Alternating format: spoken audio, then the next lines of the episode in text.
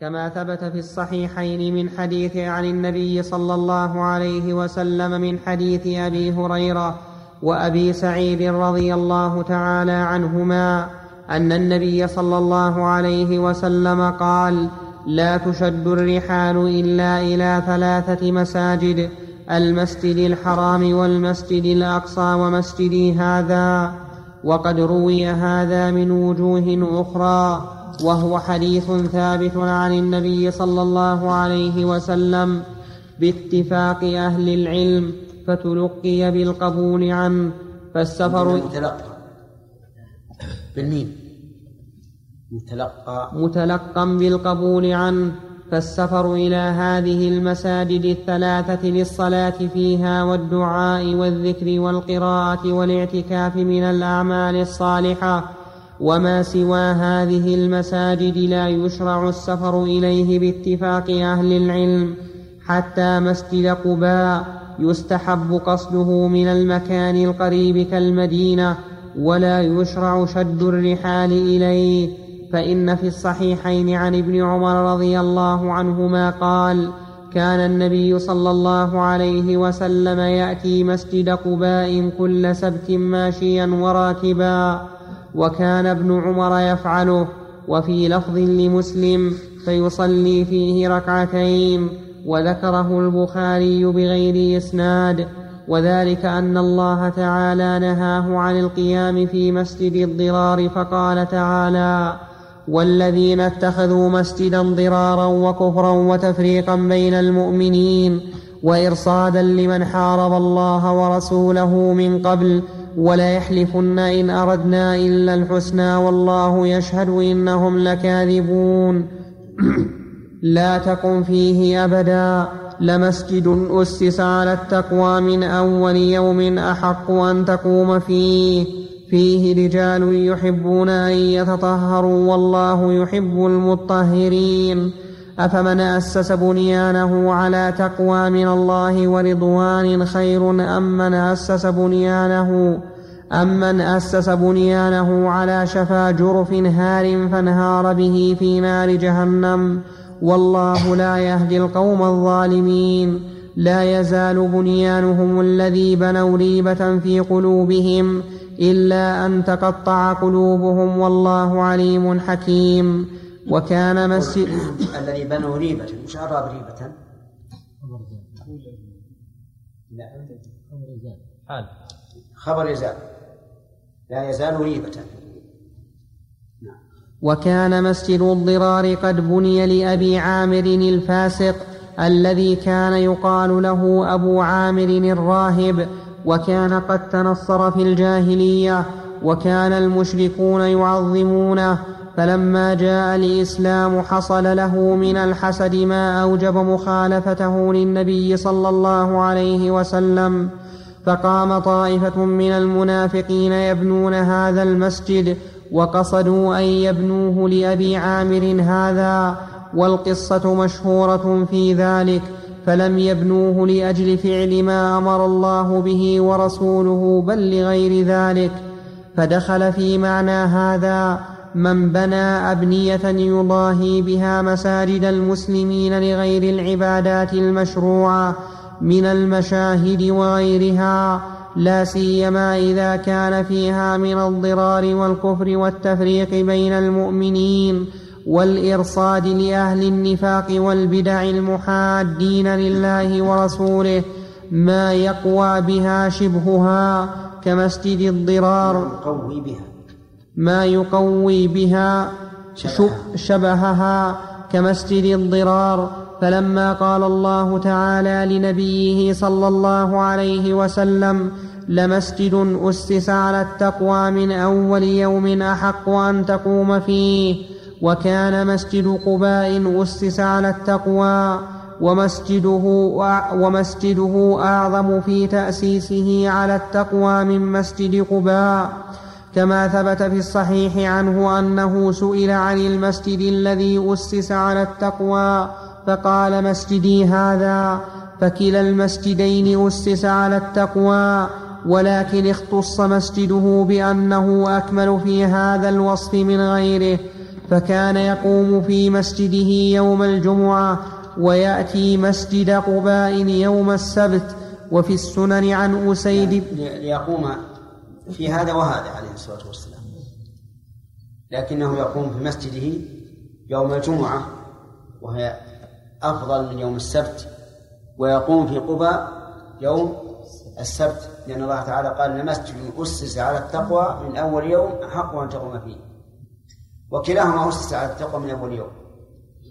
فمسجد قباء من أول يوم وصل قباء ومسجد ومسجده من أول يوم وصل المدينة. فكان عليه الصلاة والسلام يصلي في هذا يوم الجمعة ويصلي في هذا يوم السبت تحقيقا لأمر الله تبارك وتعالى. جاء سواء ما آه. يحيى؟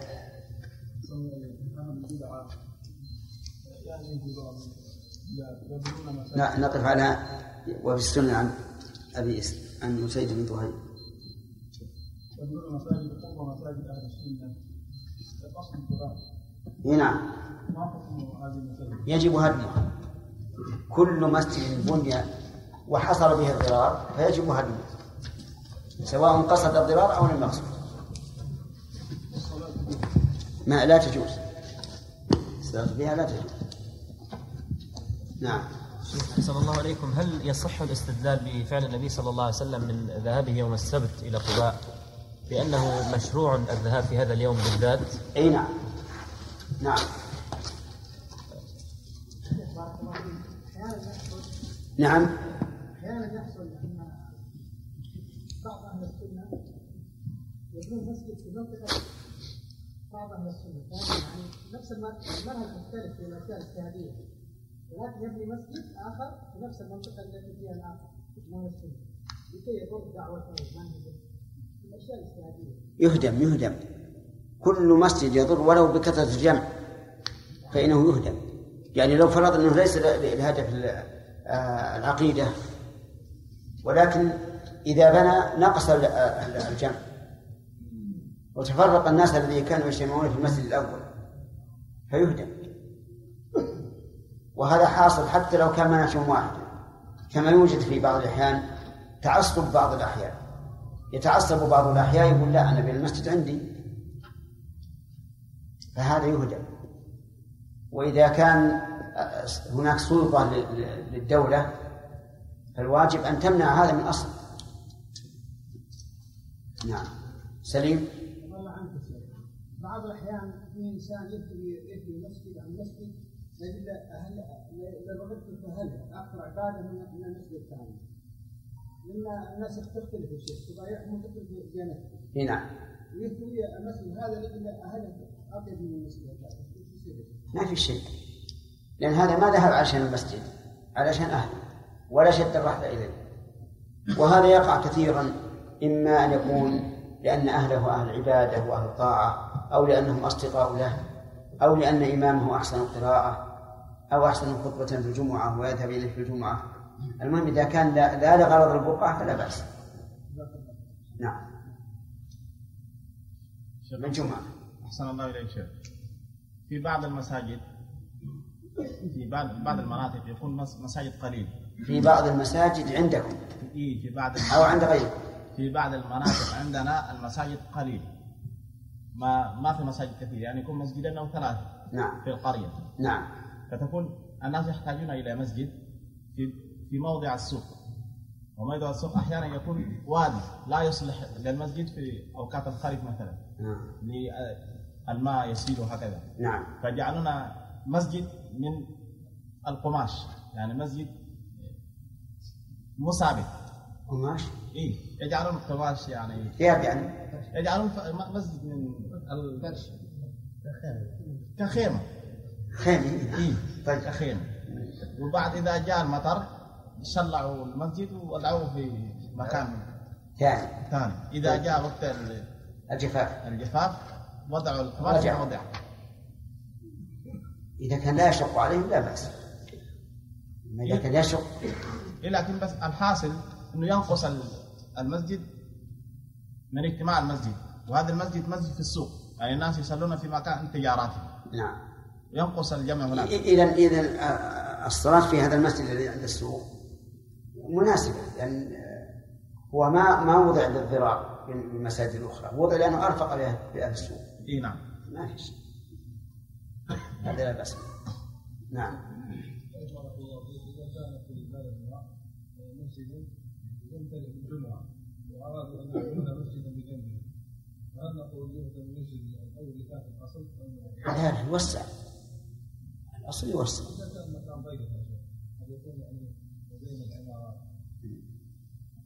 هذا يرجع إلى إلى إلى المسؤولين عن المساجد. ينظر في هذا. نعم. هل هل الذهاب إلى قوة والصلاه فيها ركعتين يثبت به الأجر حتى لو لم يكن في الضحى ليلا بيجينا إن شاء الله. في تكلم عليه المؤلف نعم. هل اي نعم الذي حج بمال الحرام نعم؟ الصحيح أنه صحيح. الصحيح أنه صحيح. لأنه ليس من شرط الحج المال. قد يحج الانسان على قدميه. وأما قول الشاعر إذا حججت بمال أصله سحت فما حججت ولكن حجت العير. فهذا وإن قال به بعض العلماء لكنه ضعيف.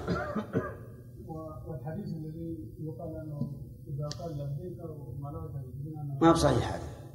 هذا غير صحيح.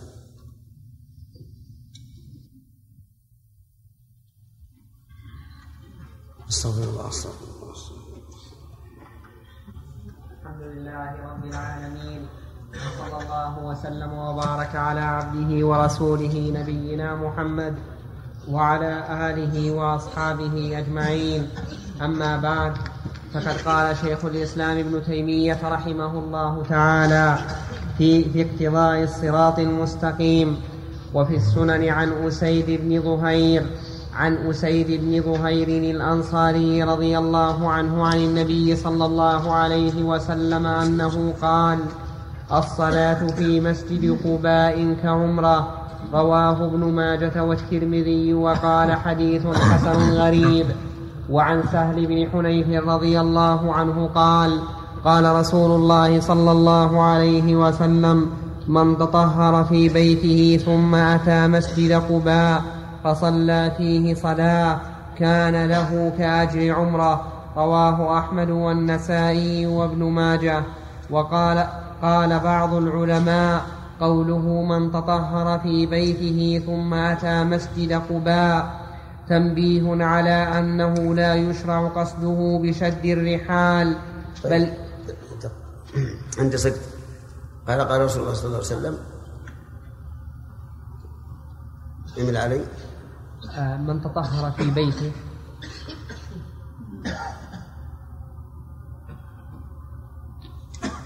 في بيته. ثم أتى مسجد قباء.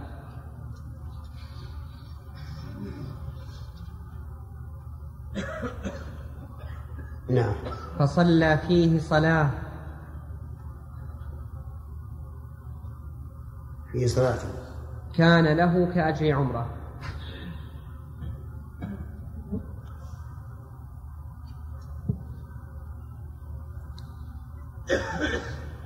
كأجر عمرة. رواه أحمد. نعم. والنسائي وابن ماجه.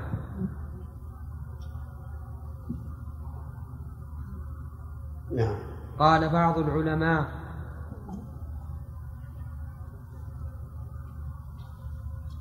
بعض العلماء قوله من تطهر في بيته. نعم. ثم أتى مسجد قباء. نعم. تنبيه على أنه لا يشرع قصده. قال بعض العلماء نعم. قوله تنبيه سلام إيه، قال بعض العلماء قوله من تطهر في بيته ثم أتى مسجد قباء. تنبيه على أنه لا يشرع قصده بشد الرحال. طيب.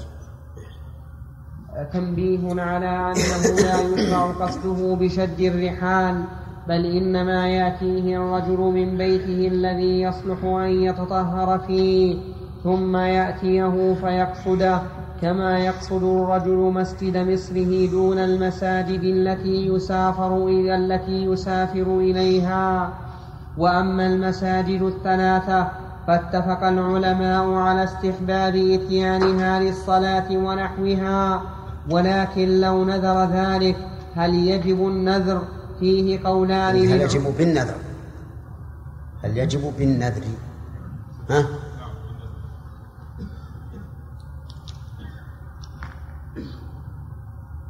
هل يجب بالنذر؟ فيه قولان للعلماء.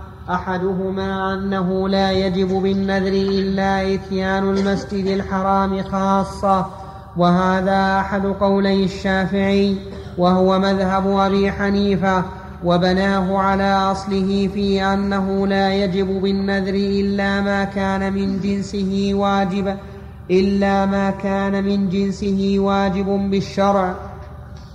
والقول الثاني وهو مذهب مالك وأحمد وغيرهما. أنه يجب عندي وهو مذهب أحمد وغيره. قال عندي في الحاشية مالك سقطت مالك سقطت من ألف وطاء. طيب.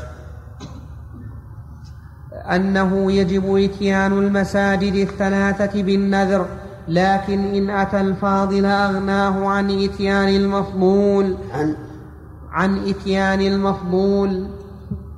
نعم.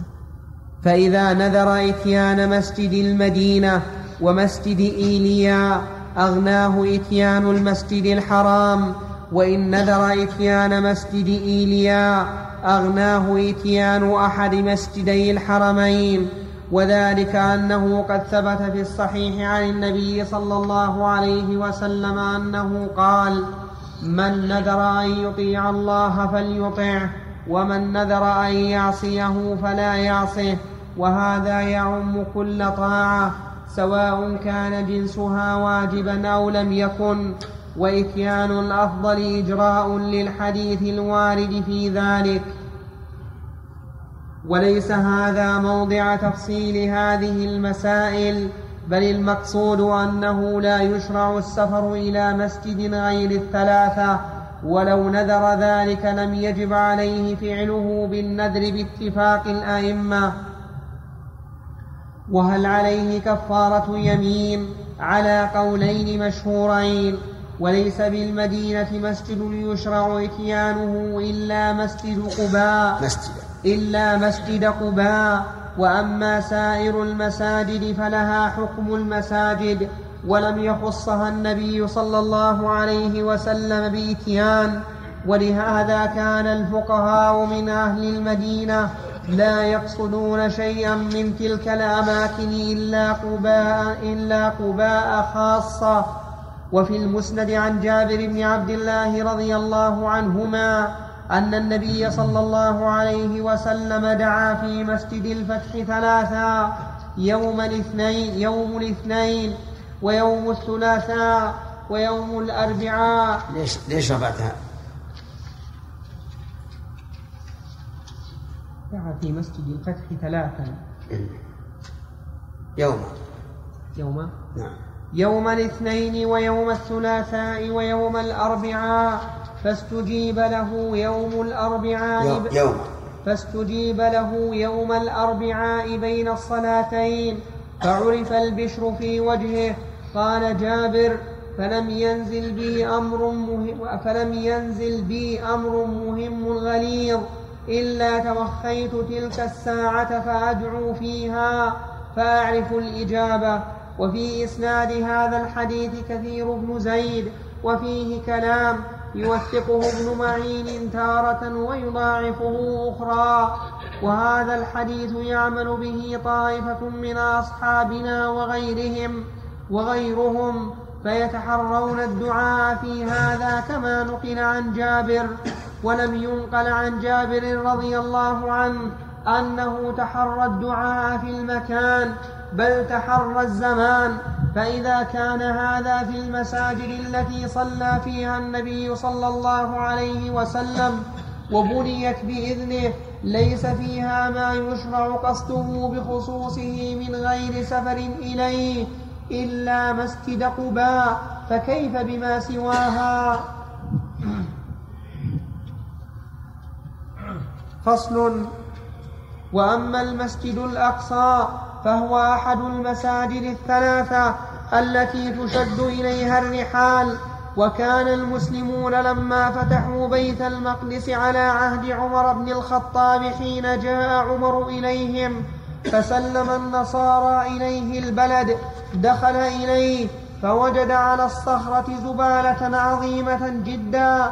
كانت النصارى قد ألقتها عليها معاندة لليهود الذين يعظمون الصخرة ويصلون إليها فأخذ عمر في ثوبه منها وأتبعه المسلمون واتبعه المسلمون في ذلك. ويقال ويقال إنه سخر لها الأنباط حتى نظفها ثم قال لكعب الأحبار أين ترى أن أبني مصلى المسلمين؟ فقال ابنه خلف الصخرة قال يا ابن اليهودية خالطتك يهودية أو كما قال بل أبنيه في صدر المسجد فإن لنا صدور المساجد فبنى مصلى المسلمين في قبلي المسجد في قبلي المسجد. وهو الذي يسميه كثير من العامة اليوم الأقصى. والأقصى اسم للمسجد كله ولا يسمى هو ولا غيره حرما. وإنما الحرم بمكة والمدينة. وإنما الحرم بمكة والمدينة خاصة. أما مكة فبإجماع وأما المدينة ففيه خلاف ولكنه الخلاف في أنه ليس لها حرم ضعيف. وأما وادي وج فهو أضعف وأضعف. والصواب أن وادي وج إنما إنما حمي حمى كما تحمى الأراضي التي فيها العشب الكثير وما أشبه ذلك. نعم. وفي وادي وج وفي وادي وج الذي بالطائف نزاع بين العلماء فبنى عمر المصلى الذي في القبلة ويقال إن تحته درجا كان يصعد منها إلى ما أمام الأقصى فبناه على الدرج حيث لم يصل أهل الكتاب ولم.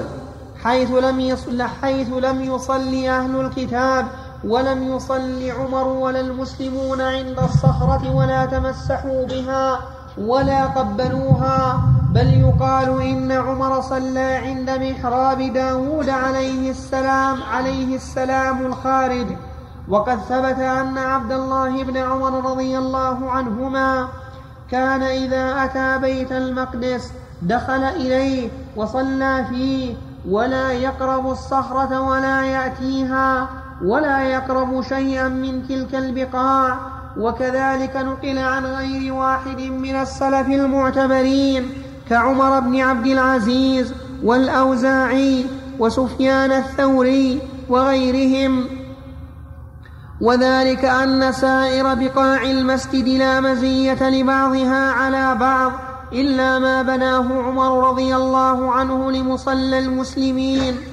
وإذا كان المسجد الحرام ومسجد المدينة اللذان هما أفضل من المسجد الأقصى بالإجماع فأحدهما قد ثبت في الصحيح عنه صلى الله عليه وسلم أنه قال صلاة في مسجدي هذا خير من ألف صلاة فيما سواه إلا المسجد الحرام والآخر هو المسجد الذي أوجب الله حجه والطواف فيه. وجعله قبلة لعباده المؤمنين. ومع هذا فليس, فليس فيهما ما يقبل بالفم ولا يستلم باليد إلا ما جعله الله في الأرض بمنزلة اليمين وهو الحجر الأسود. فكيف يكون في المسجد الأقصى ما يستلم أو يقبل؟ وكان فكيف يكون في المسجد الأقصى؟ ما يستلم أو يقبل. فيها الأقصى إي نعم. يقول ساقطة من طاء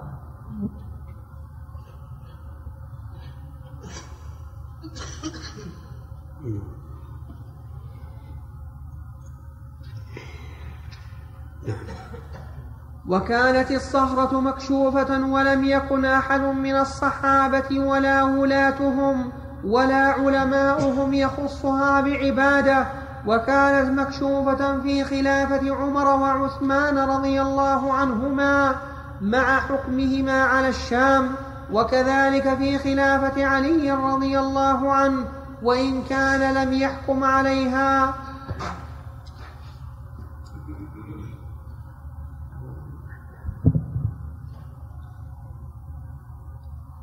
و وكذلك في خلافة علي رضي الله عنه وإن كان لم يحكم عليها ثم كذلك في إمارة معاوية وابنه وابن ابنه فلما كان في زمن عبد الملك وجرى بينه وبين ابن الزبير من الفتنة ما جرى كان هو الذي بنى القبة على الصخرة وقد قيل إن الناس كانوا يقصدون الحج فيجتمعون بابن الزبير أو يقصدونه بحجة الحج فعظم عبد الملك شأن الصخرة بما بناه عليها من القبة وجعل عليها من الكسوة في الشتاء والصيف ليكثر قصد الناس للبيت المقدس فيشتغلوا بذلك عن قصد ابن الزبير والناس على دين الملك.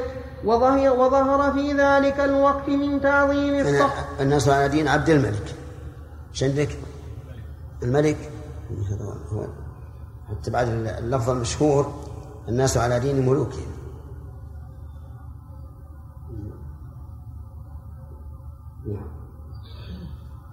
وظهر في ذلك الوقت من من, من ذلك. عندي في لا ظهر من ذلك أحسن.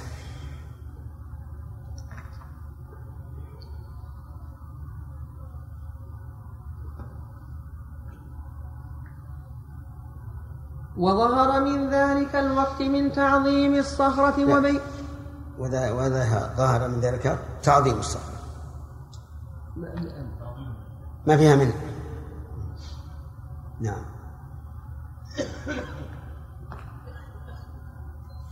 وظهر من ذلك الوقت تعظيم الصخرة وبي وتعظيم الصخرة وبيت المقدس. بيتي. وظهر من ذلك الوقت تعظيم الصخرة وبيت المقدس. ما لم يكن المسلمون يعرفونه بمثل هذا. وجاء بعض الناس ينقل الإسرائيليات في تعظيم وصار وصار بعض الناس. تصحيح صار أحسن.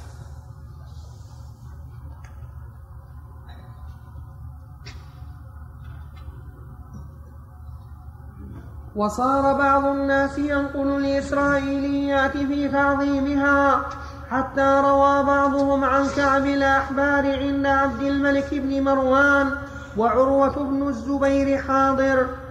إن الله قال للصخرة أنت أنت عرشي الأدنى. فقال عروة يقول الله تعالى وسع كرسيه السماوات والأرض وأنت تقول إن الصخرة عرشه. وأمثال هذا ولا ريب أن الخلفاء الراشدين لم يبنوا هذه القبة ولا كان الصحابة يعظمون الصخرة ويتحرون الصلاة عندها.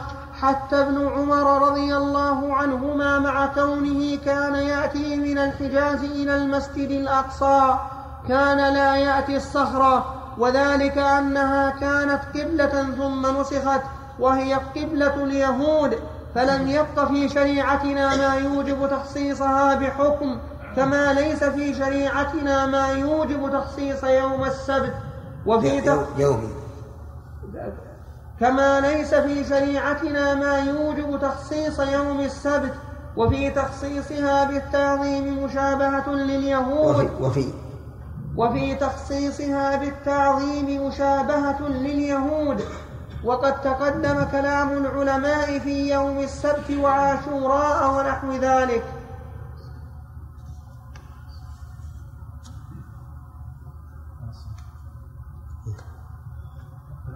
نعم نعم. جاوز الأسئلة نعم.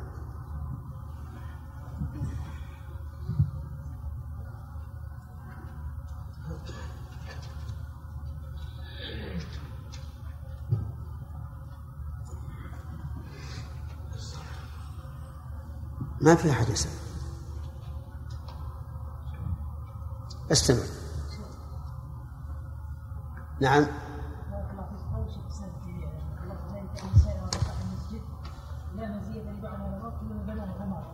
نعم. وش الإشكال عليه؟ إي نعم. ما في إشكال. المسجد واسع الذي وقاله المسجد الأقصى. فالجهة القبلية التي بناها عمر هي التي تخص بالتعظيم. نعم. ها؟ هو هذا. هذا اللي اختاره عمر.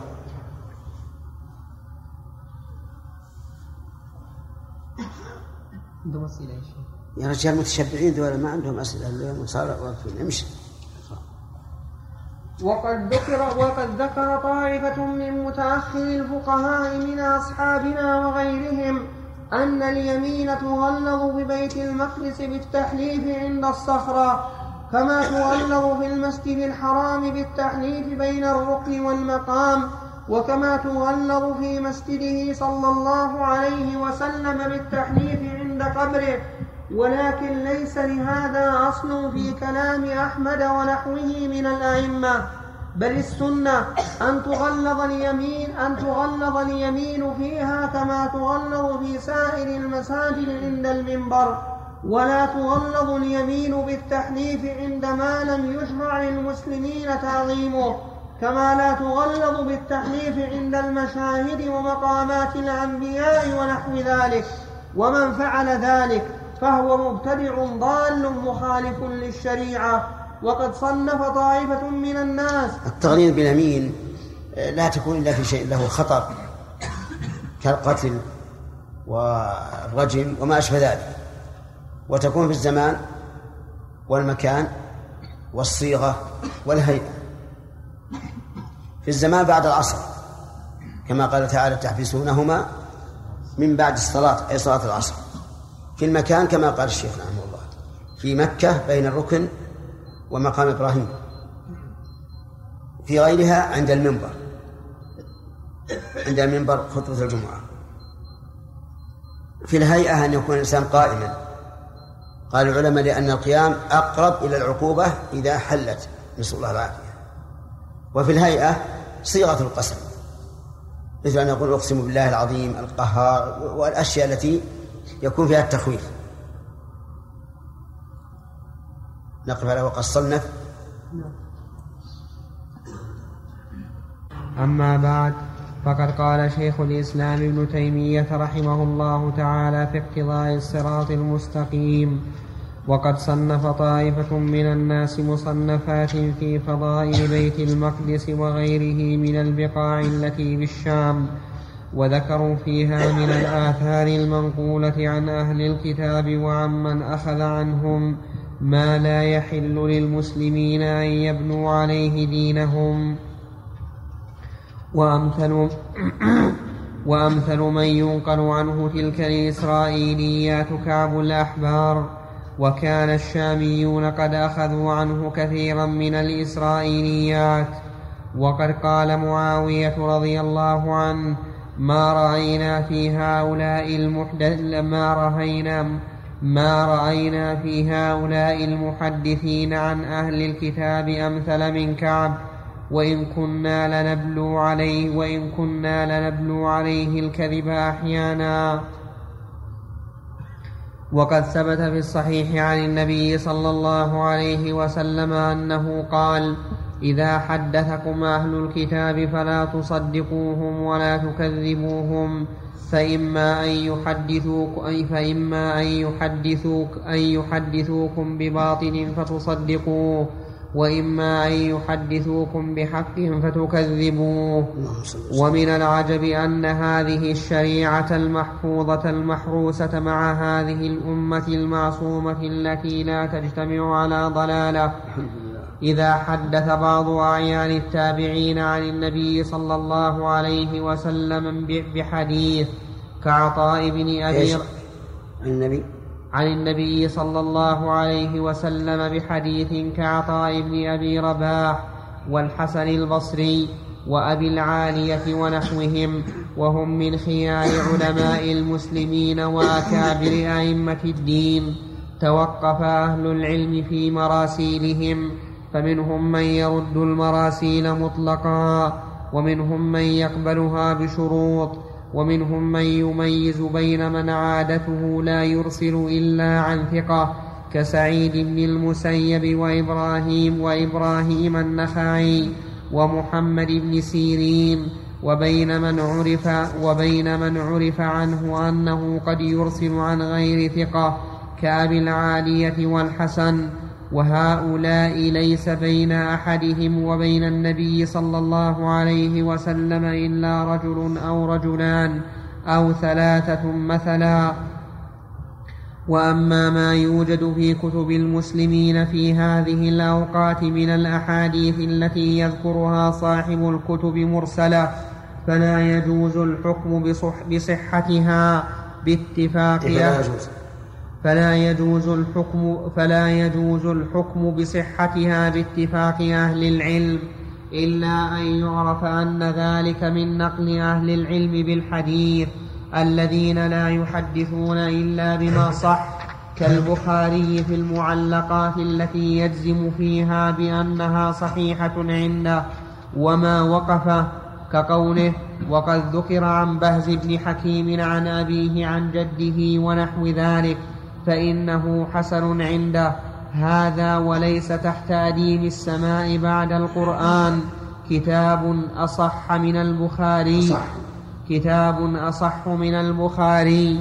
فكيف, فكيف بما ينقله كعب الأحبار كعب الأحبار وأمثاله عن الأنبياء.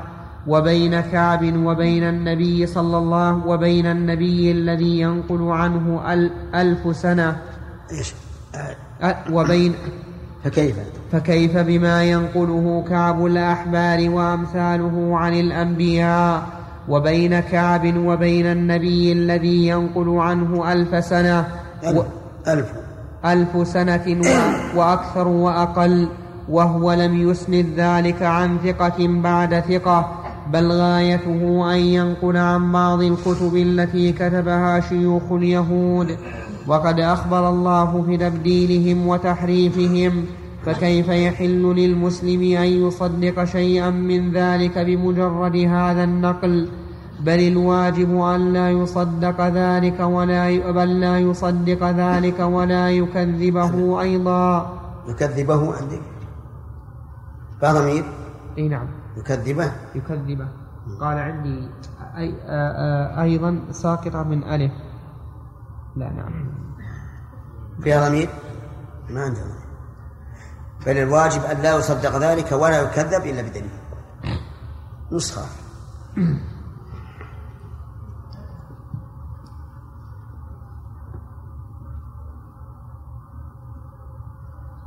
بل بل الواجب أن لا يصدق ذلك ولا يكذب أيضا إلا بدليل يدل على كذبه. وهكذا أمرنا النبي وهكذا أمرنا النبي صلى الله عليه وسلم وفي هذه الإسرائيليات مما هو كذب على الأنبياء. ما هو؟ عندي هذا ما هو؟ نعم. نسمع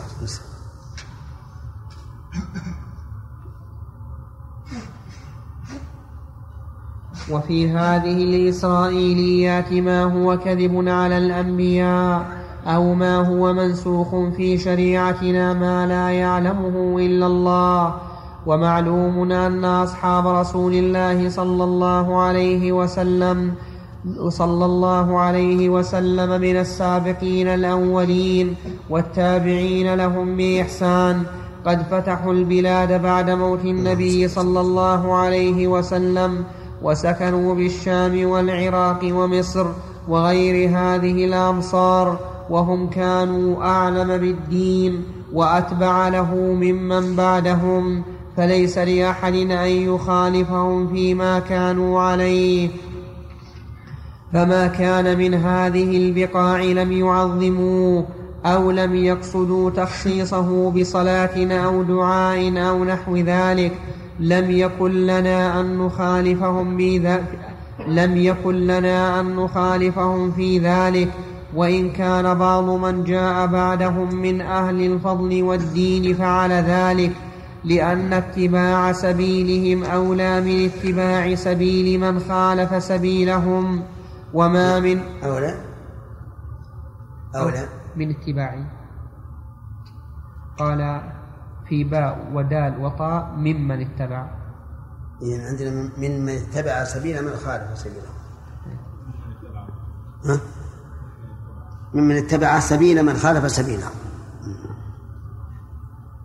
لأن اتباع سبيلهم أولى من اتباع سبيل من خالف سبيلهم وما من أحد نقل عنه ما يخالف سبيل ما يخالف سبيلهم إلا وقد نقل عن غيره ممن هو أعلم وأفضل منه أنه خالف سبيل هذا المخالف. وهذه جملة جامعة لا يتسع هذا الموضع لتفصيلها. وقد ثبت في الصحيح أن النبي صلى الله عليه وسلم لما أتى بيت المقدس ليلة الإسراء صلى فيه ركعتين. ولم يصل بمكان غيره ولا زاره وحديث المعراج فيه ما هو في الصحيح وفيه ما هو في السنن والمسانيد وفيه ما هو ضعيف وفيه ما هو من الموضوعات المختلقات مثل ما يرويه بعضهم فيه أن النبي صلى الله عليه وسلم قال له جبريل هذا قبر أبيك إبراهيم. انزل فصل فيه وهذا بيت لحم مولد, مولد أخيك عيسى انزل فصل فيه وأعجب من ذلك أنه روي فيه قيل له في المدينة انزل فصل هنا قبل أن يبني مسجدا وإنما كان المكان مقبرة للمشركين. والنبي صلى الله عليه وسلم بعد الهجرة إنما نزل هناك لما بركت ناقته هناك فهذا ونحوه من الكذب المختلق باتفاق أهل المعرفة. وبيت لحم كنيسة من كنائس النصارى ليس في إتيانها فضيلة عند المسلمين. سواء كان مولد عيسى أو لم يكن بل قبر إبراهيم الخليل. لم يكن في الصحابة ولا التابعين لهم بإحسان من يأتيه للصلاة عنده ولا الدعاء ولا كانوا يقصدونه للزيارة أصلا. وقد قدم المسلمون إلى الشام غير مرة مع عمر بن الخطاب رضي الله عنه واستوطن الشام خلائق خلائق من الصحابة وليس فيهم من فعل شيئا من هذا. ولم يبن المسلمون عليه مسجدا أصلا لكن لما استولى النصارى على هذه الأمكنة في أواخر المئة الرابعة لما أخذوا البيت المقدس بسبب المقدس. لما أخذوا البيت المقدس بسبب استيلاء الرافضة على الشام لما كان ملوك مصر والرافضة أمة مخذولة ليس لها بسبب نعم. لي... بسبب استيلاء الرافضة على الشام. أكمل لا بس استيلاء الرافضة على الشام لما كانوا ملوك مصر. يعني أن الرافضة الفاطميون استولوا على مصر ثم على الشام. ومن كانت قيادته بيد الرافضة فهو مخذول. كما قال رحمه الله قال والرافضة. والرافضة أمة مخذولة ليس لها عقل صريح ولا نقل صحيح ولا دين مقبول ولا دنيا منصورة قويت النصارى وأخذت السواحل وغيرها من الرافضة وحينئذ نقبت النصارى أو نقبت النصارى حجرة الخليل صلوات الله عليه وجعلت لها بابا وأثر النقب ظاهر في الباب فكان اتخاذ ذلك معبدا مما أحدثته النصارى ليس من عمل سلف الأمة وخيارها. هذا كلام كلام الشيخ رحمه الله يبشر بخير. ان الرافضه أمة مخذولة لن يستقيم لها عز ولا نصر. بل قيادتها فاشلة. وهذا ما نؤمله من الله عز وجل أن يفشل دعوتهم ودعايتهم الباطلة وأن يخذلهم. نعم. فصل وأصل دين المسلمين وأصل دين المسلمين أنه لا تختص بقعة لا, لا تختص بقعة بقصد العبادة فيها إلا المساجد خاصة وما عليه المشركون وأهل الكتاب من تعظيم بقاع للعبادة غير المساجد كما كان في كما كانوا في الجاهلية يعظمون حراء ونحوه من البقاع فهو مما جاء الإسلام بمحوه وإزالته ونسخه ثم المساجد جميعها تشترك في العبادات فكل ما يفعل في مسجد يفعل في سائر المساجد إلا ما خص به المسجد الحرام من الطواف ونحوه فإن خصائص المسجد الحرام لا يشاركه فيها شيء من المساجد كما أنه لا يصلى إلى غيره. وأما مسجد النبي صلى الله عليه وسلم والمسجد الأقصى فكل ما يشرع فيهما من العبادات يشرع في المسجد الحرام يختص بما لا يختص به غيره مثل الطواف كما قال رحمه الله. وقد ذكروا أن أحد الملوك نذر عبادة لا يشاركه فيها أحد. وسأل عنها علماء كثيرين وقالوا لا يمكن. كل عبادة تفعلها يمكن أن يكون آخر. يفعلها. إن صمت فغيرك صائم. إن صليت فغيرك مصلي. إن تصدقت فغيرك متصدق. كل عبادة. فألهم الله أحدهم وقال أخلوا له المطاف. أخلوا له المطاف يعني اجعلوه يطوف وحده. فإذا طاف وحده تيقنا أنه لم يشاركه أحد في هذه العبادة وحينئذ يصح نذره. نعم.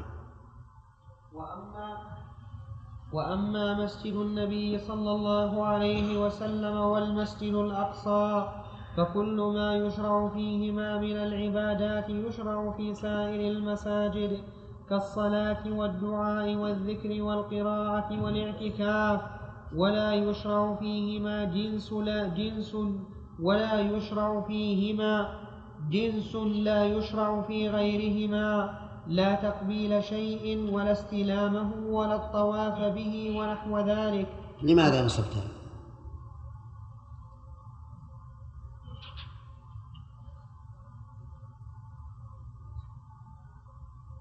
أخرج. أخرج ولا اعدل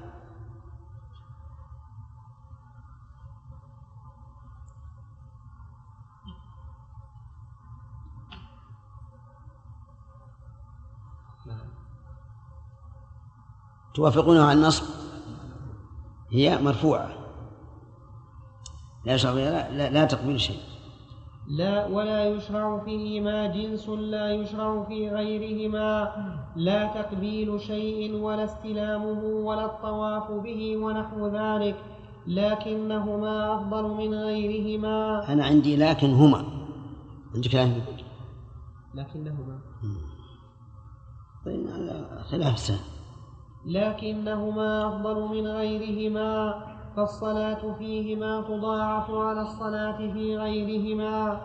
قوله رحمه الله تعالى والقراءة والاعتكاف الاعتكاف لا شك أن ما قاله هو الصواب أن الاعتكاف يصح في جميع المساجد لعموم قول الله تعالى ولا تباشرهن وأنتم عاكفون في المساجد وأما ما ذكر من حديث حذيفة بن اليمان رضي الله عنه أنه لا اعتكاف إلا في المساجد الثلاثة ولا اعتكاف إلا بصوم. فهذا الحديث شاذ. لأنه مخالف لأعمال المسلمين. ثم إن حذيفة رضي الله عنه لما ذكر به ابن مسعود قال لعلهم علموا ما جهلت أو ذكروا ما نسيت أو كلمة نحوها. ثم لو فرض أن الحديث صحيح وسالم من كل علة قادحة فإنه يحمل عن المعنى لاعتكاف كامل إلا بها في هذه المساجد. هذا هو الصواب. ولهذا ترى بعض الناس الذين يحبون أن يعتكفوا بناء على ما سمعوا من هذا الحديث تراهم يحرصون على أن يأتوا إلى مسجد إلى الكعبة إلى مسجد الكعبة أو إلى مسجد النبي صلى الله عليه وسلم يعتكفون فيه بناء على أن الاعتكاف لا يصح إلا في المساجد الثلاثة. لكن الذي لا شك فيه عندنا أنه يصح في جميع المساجد. نعم. أما مسجد النبي صلى الله عليه وسلم فقد ثبت في الصحيح أن الصلاة فيه أفضل من ألف صلاة فيما سواه إلا المسجد الحرام. وروى وروي هذا عن النبي صلى الله عليه وسلم من غير وجه. ففي الصحيحين عن أبي هريرة رضي الله عنه قال قال رسول الله صلى الله عليه وسلم صلاة في مسجدي هذا خير من ألف صلاة في غيره من المساجد إلا المسجد الحرام. فإني فإني آخر الأنبياء وإن مسجدي آخر المساجد. وفي صحيح مسلم عن ابن عمر رضي الله عنهما عن النبي صلى الله عليه وسلم أنه قال صلاة في مسجدي هذا أفضل من ألف صلاة فيما سواه إلا المسجد الحرام. وفي مسلم أيضا عن ابن عباس رضي الله عنهما أنه قال إن امرأة اشتكت شكوى فقالت إن شفاني الله لأخرجن فلأصلين في بيت المقدس فبرئت ثم تجهزت تريد الخروج. فجاءت ميمونة زوج النبي صلى الله عليه وسلم فأخبرتها ذلك فقالت اجلسي فكلي ما صنعت وصلي في مسجد الرسول صلى الله عليه وسلم فإني سمعت رسول الله صلى الله عليه وسلم يقول صلاة فيه أفضل من ألف صلاة فيما سواه إلا مسجد الكعبة. وفي المسند عن ابن الزبير رضي الله تعالى عنهما قال قال رسول الله صلى الله عليه وسلم صلاة في مسجدي هذا أفضل من ألف صلاة فيما سواه إلا المسجد الحرام وصلاة في المسجد الحرام أفضل من صلاة في مسجدي هذا بمئة صلاة. قال أبو عبد الله المقدسي إسناده على رسم الصحيح. ولهذا جاءت الشريعة. في هنا في إلا مسجد الكعبة. هذا هو الصحيح أن التفضيل الذي خير من مئة ألف صلاة إنما هو خاص بمسجد الكعبة. وأما سائر المساجد في مكة فهي أفضل من مساجد الحل بلا شك لكنها لا يحصل فيها هذا التفضيل. وأما من قال إنه عام في جميع الحرم واستدل بقوله تعالى سبحان الذي أسرى بعبده ليلة من المسجد الحرام إلى المسجد الأقصى. قالوا وقد أسرى به من بيت أم هانئ فإن هذا ضعيف لأنه صح في البخاري أنه أسري به من الحجر حجر الكعبة وهو من المسجد الحرام بلا شك. والمسجد الحرام يطلق على المسجد نفسه مسجد الكعبة وربما يطلق على جميع الحرم. لكن لا يطلق على جميع الحرم إلا إلا بقرينة. واستدل بعضهم على أنه عام بقوله تعالى يا أيها الذين آمنوا إنما المشركون نجس إنما المشركون نجس فلا يقربوا المسجد الحرام. قال والمشركون لا يدخلون الحرم كله. وهو دليل على أنه على أن المسجد الحرام هو الحرم كله. فيقال هذه الآية دليل علي عليكم. على من قال أن المراد بالمسجد الحرام عموم الحرم لأن قوله لا يقرب ليس كقوله لا يدخل. ومعلوم أن الكافر يجوز أن أن يصل إلى أدنى نقطة من الحل وإن لم يكن بينه وبين الحرم إلا شعرة واحدة. ولو ولو قلنا إن المسجد الحرام هو كل الحرم لقلنا يجب أن يكون هناك حدود تبعدهم عن عن قربان حدود الحرم. وليس كذلك. المهم أن الذي يتبين لي من السنة أن التضعيف بكونه خيرا من مائة ألف صلاة خاص بالمسجد الذي فيه الكعبة الذي يصح فيه الطواف والذي تشد إليه الرحال. ولذلك لا أحد يقول يشد الرحل إلى مسجد في في العزيزية أو مسجد في شبيكة أو ما أشبه ذلك. إنما تشد الرحال إلى مسجد الكعبة. لكن لو قال قائل أرأيت لو كان حضوري إلى مسجد الكعبة؟ فيه مشقة وزحام شديد وإيذاء للناس وتأذن بهم وربما لا يتيسر لي أن أركع ركوعا تاما أو سجودا تاما. أيما أفضل أن أرتكب هذه الأشياء أو أن أصلي في أي مسجد من مساجد مكة بطمأنينة وهدوء؟ لقلنا بالثاني لأن هذه الفضيلة يعني الهدوء والطمأنينة تعود إلى ذات العبادة. والفضيلة التي تتعلق بذات العبادة أولى بالمراعاة من الفضيلة التي تتعلق بزمانها أو أو مكانها. كما هو مقرر معروف عند العلماء وكما دلت عليه السنة بأن مراعاة ذات العبادة أولى من مراعاة الزمان والمكان. نعم.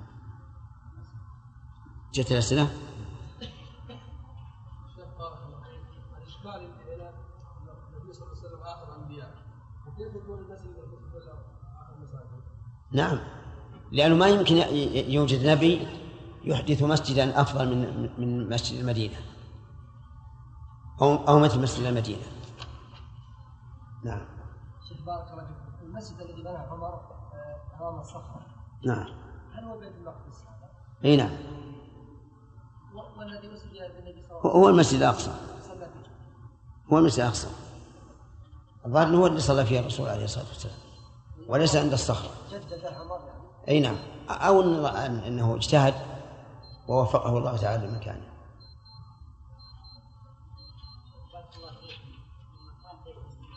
إيش؟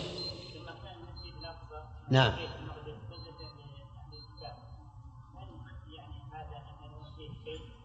هل هل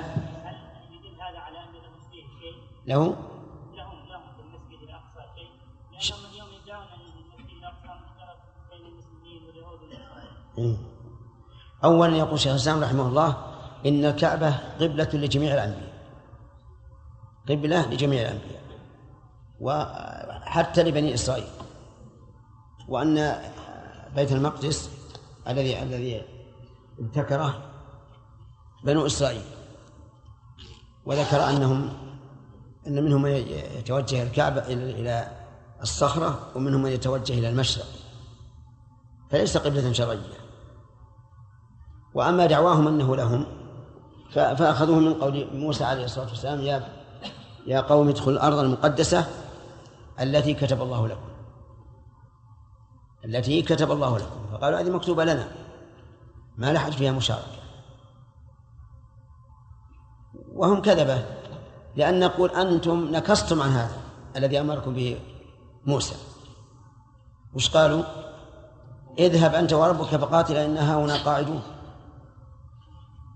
ولأن ولأنها كانت لكم في ذلك الوقت لأنكم أهل حق وأهل صلاح. والله عز وجل يقول ولقد كتبنا في الزبور من بعد الذكر أن الأرض يرثها عبادي الصالحون. وقال موسى لقومه حين ورثوا آل فرعون قال إن الأرض لله يورثها من يشاء من عباده والعاقبة للمتقين. حثهم على الصبر على والتحمل عن على أفعال فرعون وبين لهم أن أن الأرض لله. الحمد لله رب العالمين والصلاة والسلام على أشرف الأنبياء والمرسلين نبينا محمد وعلى آله وأصحابه أجمعين. أما بعد فقد قال شيخ الإسلام ابن تيمية رحمه الله تعالى في اقتضاء الصراط المستقيم ولهذا جاءت الشريعة بالاعتكاف الشرعي في المساجد بدل ما كان يفعل قبل الإسلام من المجاورة بغار حراء ونحوه فكان النبي صلى الله عليه وسلم فكان النبي صلى الله عليه وسلم يعتكف العشر الأواخر من رمضان حتى قبضه الله. والاعتكاف من العبادات المشروعة بالمساجد باتفاق فإن الأئمة قال قائل لماذا كان الرسول صلى الله عليه وسلم يعتكف؟ فالجواب تحريا لليلة القدر. وعلى هذا فلا يسن الاعتكاف في غير رمضان بل ولا في غير العشر الأواخر من رمضان.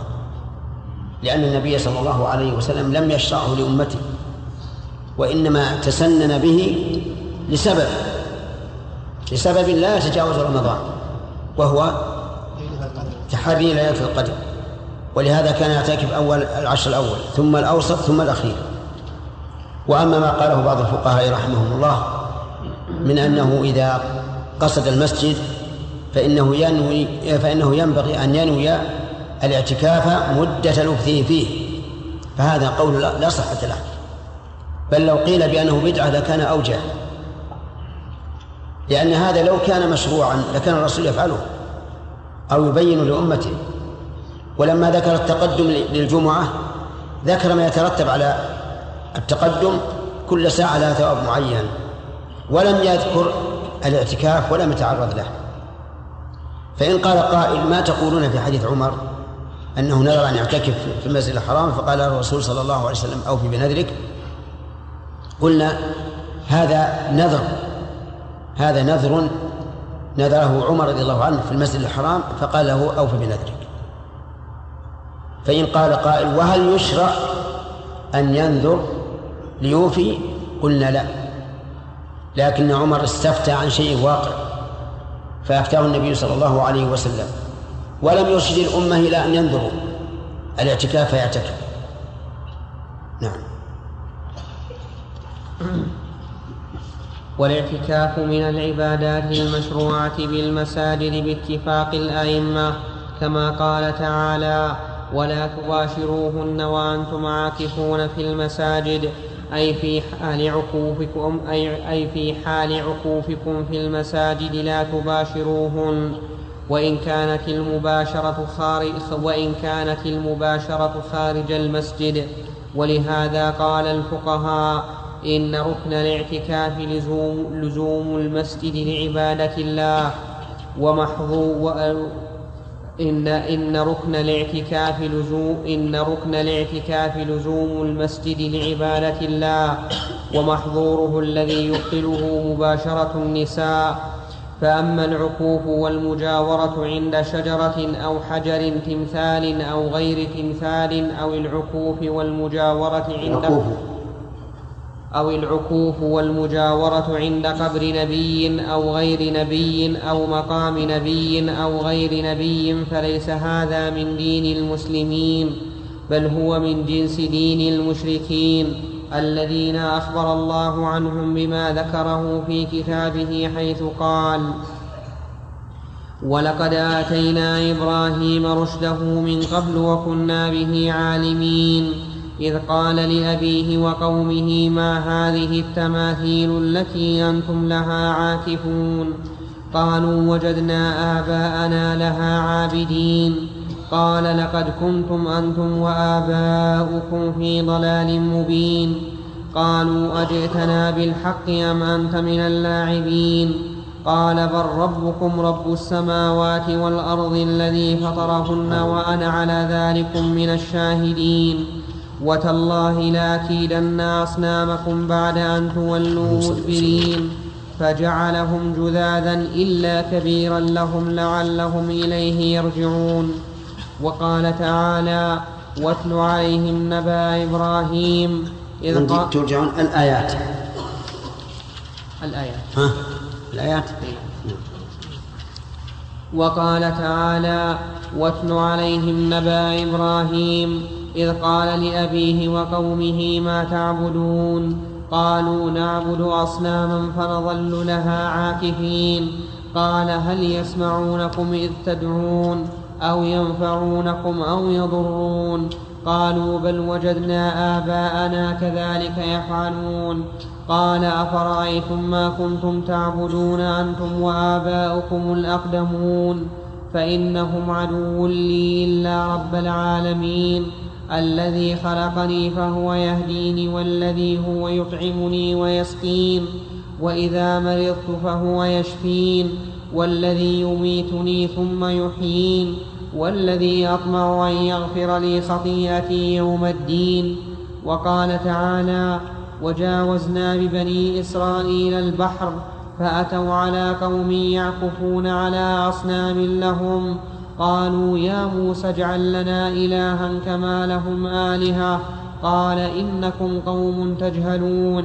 إن هؤلاء متبر ما هم فيه وباطل ما كانوا يعملون. قال أغير الله أبغيكم إلها وهو فضلكم على العالمين. فهذا عكوف المشركين وذاك عكوف المسلمين.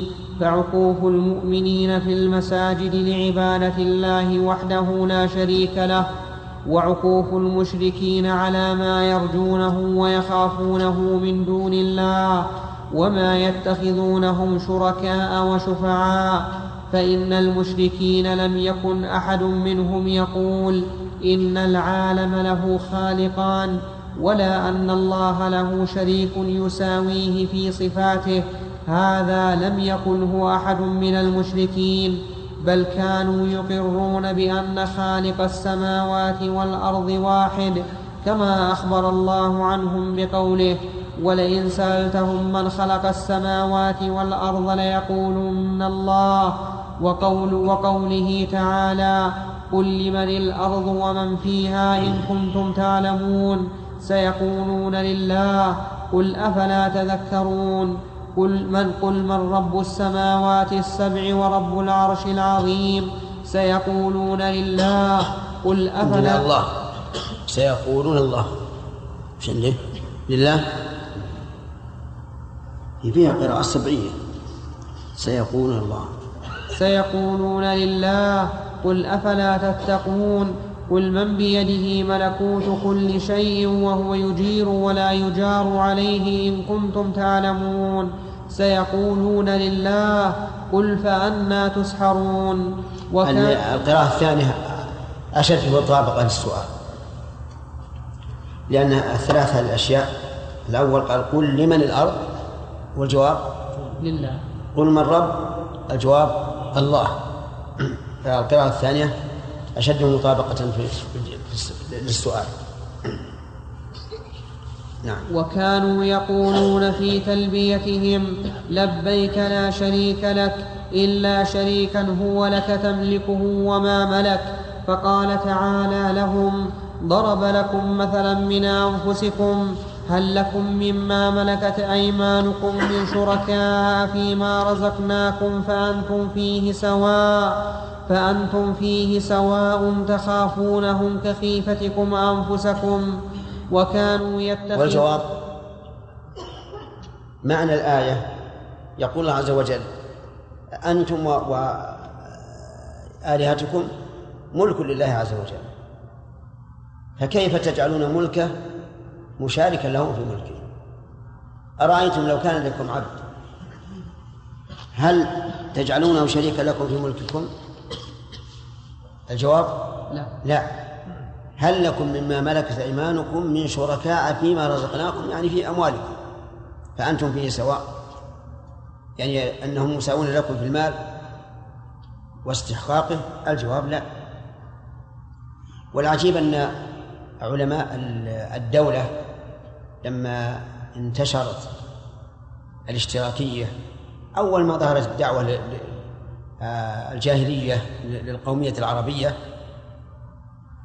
ذهب بعض رؤساء العرب إلى ما يسمى بالاشتراكية.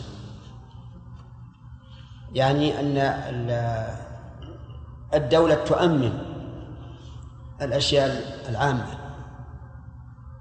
وجعل علماء الدولة يأتون بمثل هذه الآية وغيرها من المتشابه يستدلون به على الاشتراكية أخذوا قوله أخذوا قوله فأنتم فيه سواء. يعني أنتم فيما رزقناكم سواء. فالغني الذي عنده الملايين والفقير الذي ليس عنده إلا ثيابه هما سواء في مال من؟ في مال الغني. ولا شك أن هذا تعريف للكلمة عن مواضعه. وماذا يكون موقف هؤلاء من الله عز وجل يوم القيامة إذا سألهم كيف تؤولون الكلام على غير ما أردت؟ وهو أمر واضح. حتى هذه الآية وليست من المتشابه. اللهم اللهم أرنا الحق حقا وارزقنا اتباعه. آمين. نعم. وكانوا يتخذون آلهتهم وسائط تقربهم إلى الله زلفى وتشفع لهم كما قال تعالى والذين اتخذوا من دونه أولياء ما نعبدهم إلا ليقربونا إلى الله من دونه؟ زلفى. أو من دون الله؟ من دونه. ها؟ من دون الله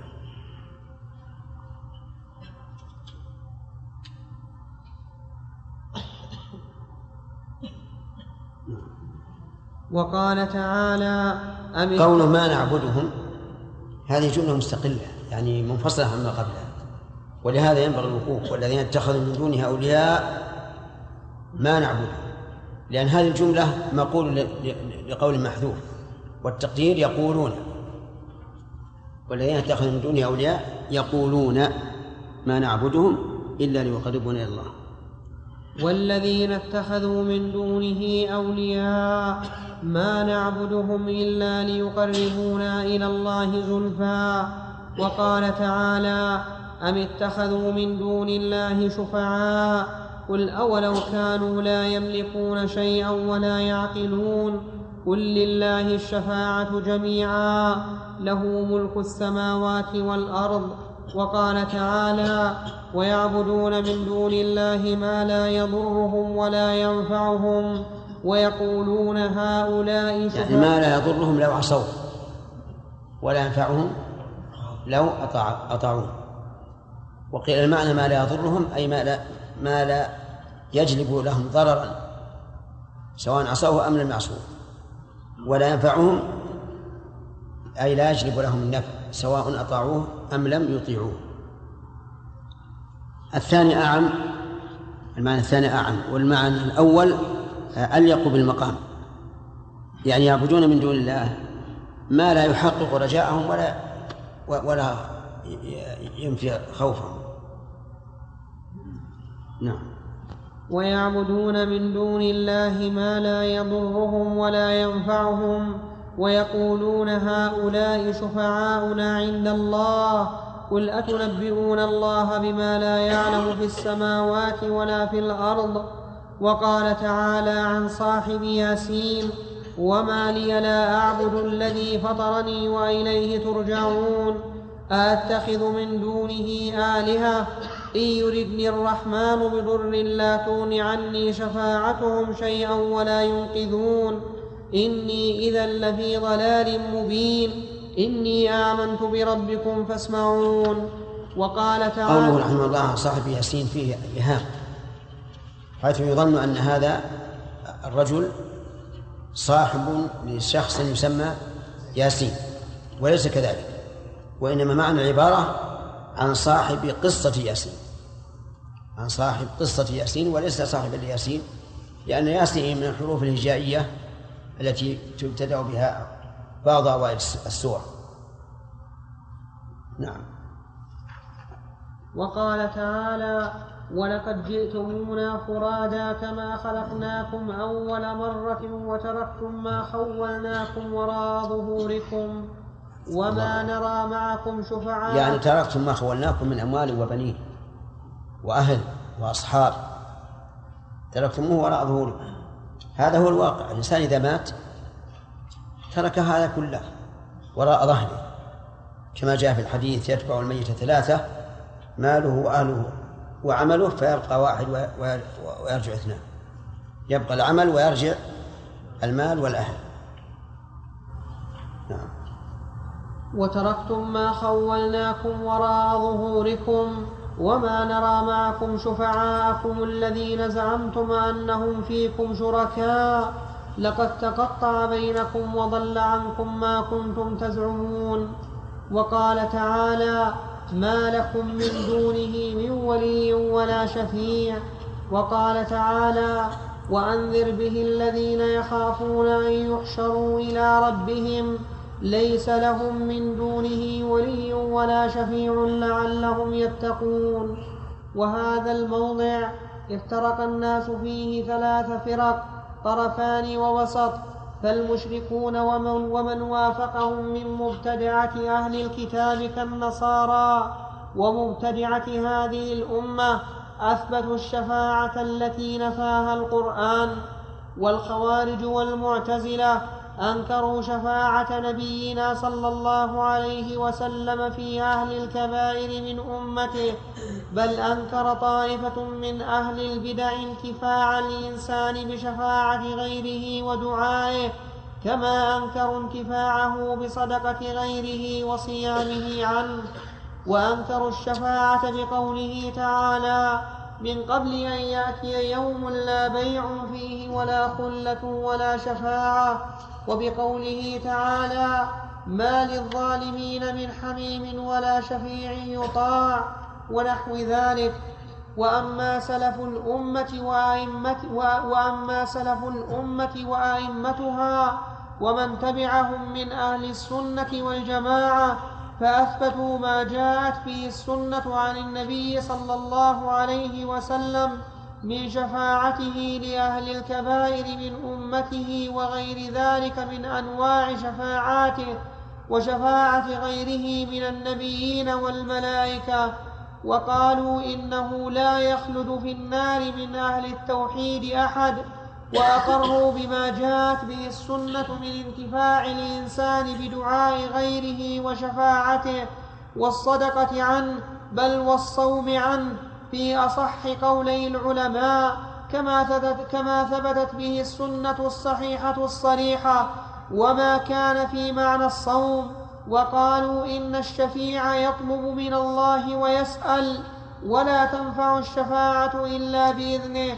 قال تعالى من ذا الذي يشفع عنده إلا بإذنه ولا يشفعون إلا لمن ارتضى وكم من ملك في السماوات لا تغني شفاعتهم شيئا إلا من بعد أن يأذن الله لمن يشاء ويرضى.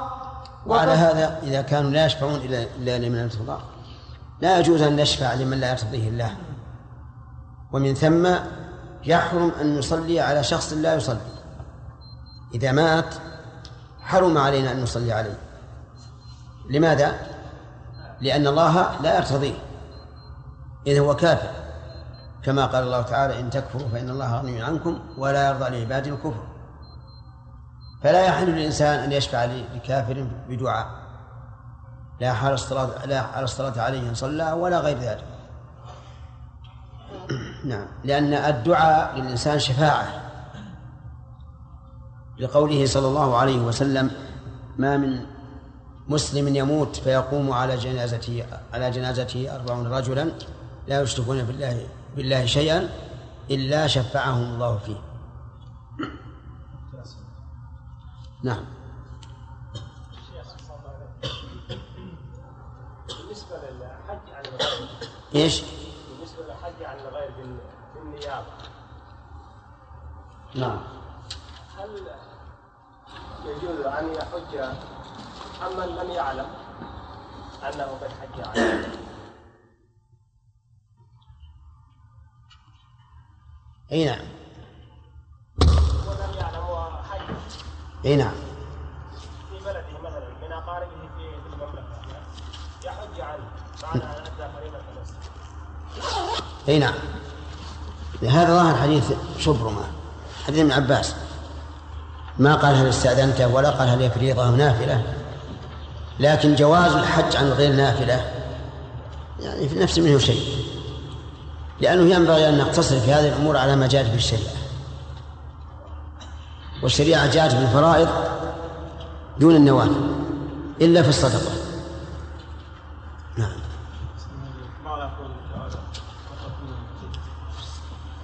يعني معناها أنكم تخافون هؤلاء الذين ملكتم كما تخافون أنفسكم. العبيد هنا هي أصلا في العبيد هذا.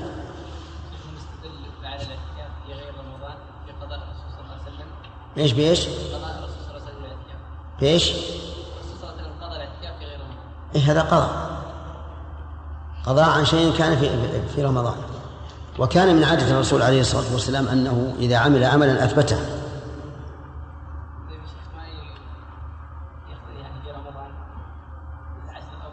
لا ما يقضي هذا مبادرة.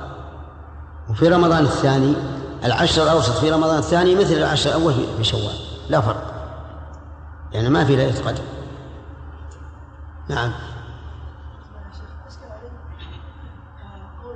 أن الاعتكاف في غير رمضان على خلاف أمر النبي صلى الله عليه وسلم. نعم. وأمر النبي صلى الله عليه وسلم لعمر بأن يوفي بنذره يكون يجب أن يكون على وفاق طاعة الله عز وجل. عجبنا عن هذا. عجبنا عن هذا بأن الرسول أفتاه في أمر وقع. نذره فأمره بوفاء نذره نعم؟ لا يكون معصية. كيف يأمره بأن لا لا مو معصية. لأنه نذره قبل أن يعلم أسر الاعتكاف. نعم. بفضل الاعتكاف شيخ. إيش؟ هل ورد حديث بفضل الاعتكاف شيخ؟ لا أعلم لا أعلمه الآن. هل يصح سائر القرب من جميع القرب؟ آه، قاعدة الإمام أحمد رحمه الله جميع القرب إذا إذا نواها عن شخص حي أو ميت نفعه.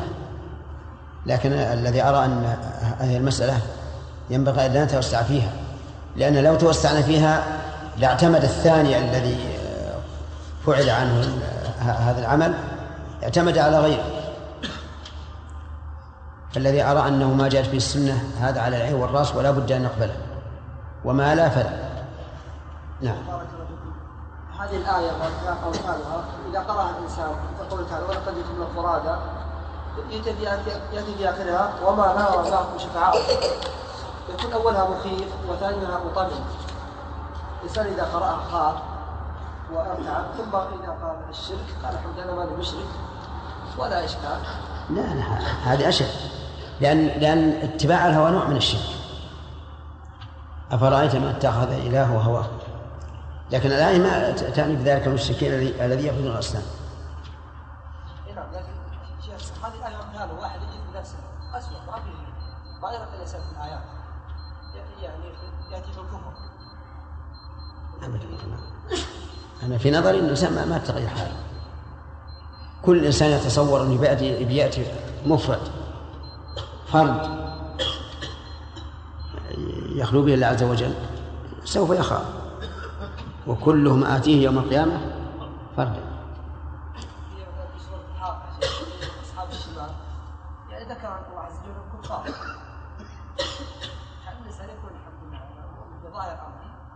يعني هؤلاء لا لا لا يأمن لا يأمن لا يأمن قال ابن أبي مليكة أدركت ثلاثين من أصحاب النبي صلى الله عليه وسلم كلهم يخاف النفاق على على نفسه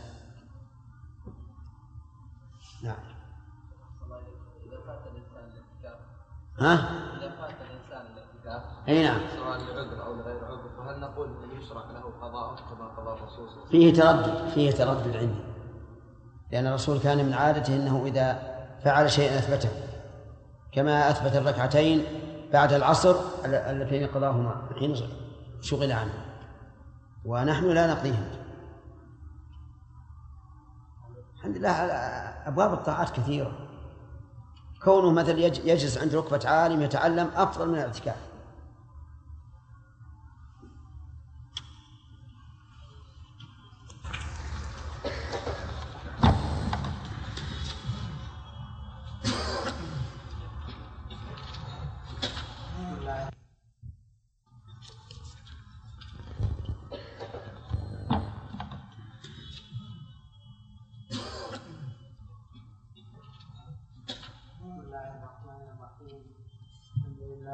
العالمين. والصلاة والسلام على أشرف الأنبياء والمرسلين نبينا محمد وعلى آله وأصحابه أجمعين. أما بعد فقد قال شيخ الإسلام ابن تيمية رحمه الله تعالى في اقتضاء الصراط المستقيم وقد ثبت في الصحيح أن سيد الشفعاء صلى الله عليه وسلم إذا طلبت الشفاعة منه بعد أن تطلب من آدم وأولي العزم نوح وإبراهيم نوح. نوح وإبراهيم وموسى وعيسى فيردونها إلى محمد صلى الله عليه وسلم. العبد الذي غفر الله له ما تقدم من ذنبه وما تأخر. قال فأذهب إلى ربي فإذا رأيته خررت له ساجدا.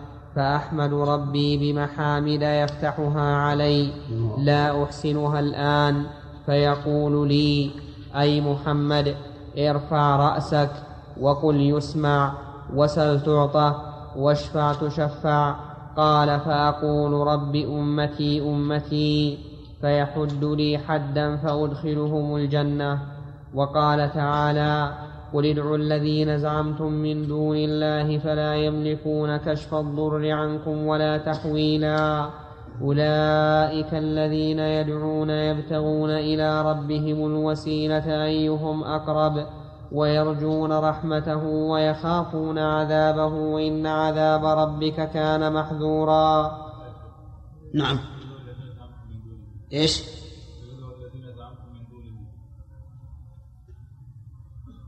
وش قرأ؟ وش قرأت؟ من دونه ها؟ من دونه وش قرأت؟ من دونه من دونه شيء طيب. أنا عندي رسم المصحف ها؟ عندي الرسم اي ما هو كتابة طيب قوله تعالى أولئك الذين يدعون يبتغون إلى ربهم الوسيلة من يعربها لنا؟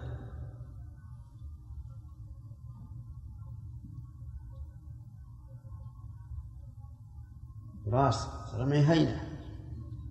جبل وعر. نعم. يلا.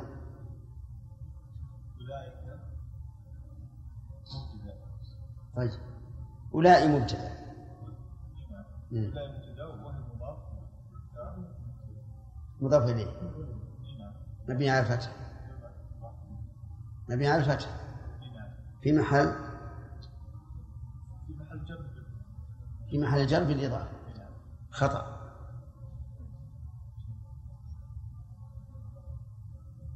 فجري ترى جبل نعم اعرف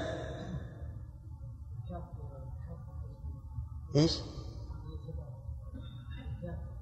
الكاف إيش فيها؟ حرف خطاب وأولئك كيف نكتب أولئك؟ إيه؟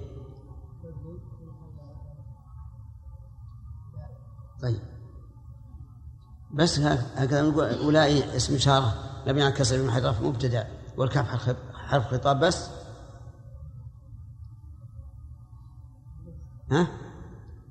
اجزم. طيب. الذين فهمتها؟ خلاص. ها. اسم موصول. محل من اعراب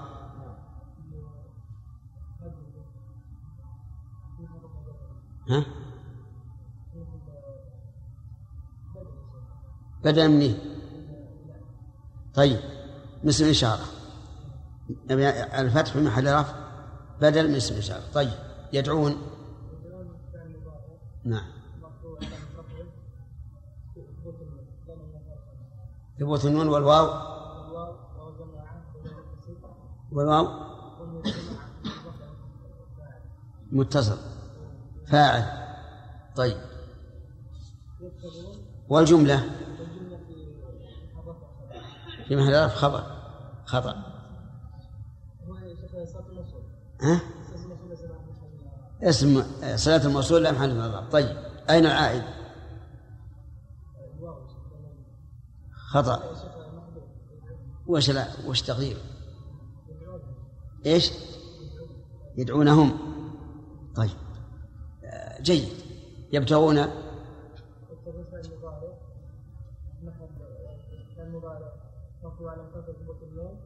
في المضارع مرفوع على مثلا ثبوت النون والواو فاعل طيب وش محل من اعراب؟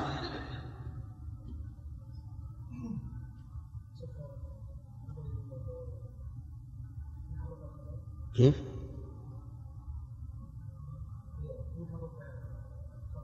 خبر إيش؟ وين المبتدأ؟ جيد ولا هو جيد؟ جيد صحيح إذا معنى الآية أولئك الذين تدعونهم هم مفتقرون لله هم أنفسهم مفتقرون لله يبتغون إلى ربهم الوسيلة أيهم أقرب أفهمتم؟ يعني أن هؤلاء الذين تدعونهم من دون الله وتظنون أنهم ينفعونكم أو يضرونكم؟ هم أنفسهم إيش؟ يبتغون إلى ربهم الوسيلة أي الطريقة التي توصلهم إليه وإلى قربه. فإذا كان كذلك هم مفتقرون فكيف تدعونهم أنتم؟ إيه نعم. قال طائف جيد جيد يا فجر ما شاء الله. نعم. قال طائفة من السلف كان أقوام يدعون العزير والمسيح والملائكة فأنزل الله هذه الآية وقد أخبر فيها أن هؤلاء المسؤولين يتقربون إلى الله ويرجون رحمته ويخافون عذابه. وقد ثبت في الصحيح أن أبا هريرة قال يا رسول الله أي الناس أسعد بشفاعتك يوم القيامة؟ قال يا أبا هريرة لقد ظننت أن لا يسألني عن هذا الحديث أحد أو لا. عن عن. لقد ظننت أن لا يسألني عن هذا الحديث أحد أولى منك. لما رأيته من حرصك على الحديث أسعد الناس بشفاعتي يوم القيامة من قال لا إله إلا الله يبتغي بها وجه الله. فكلما كان الرجل أتم إخلاصا لله كان أحق بالشفاعة وأما من علق قلبه بأحد من عندنا أكثر إخلاصا. أتم؟ في طاء قال أكثر. أكثر؟ نجعلها نسخة لأنها أتم.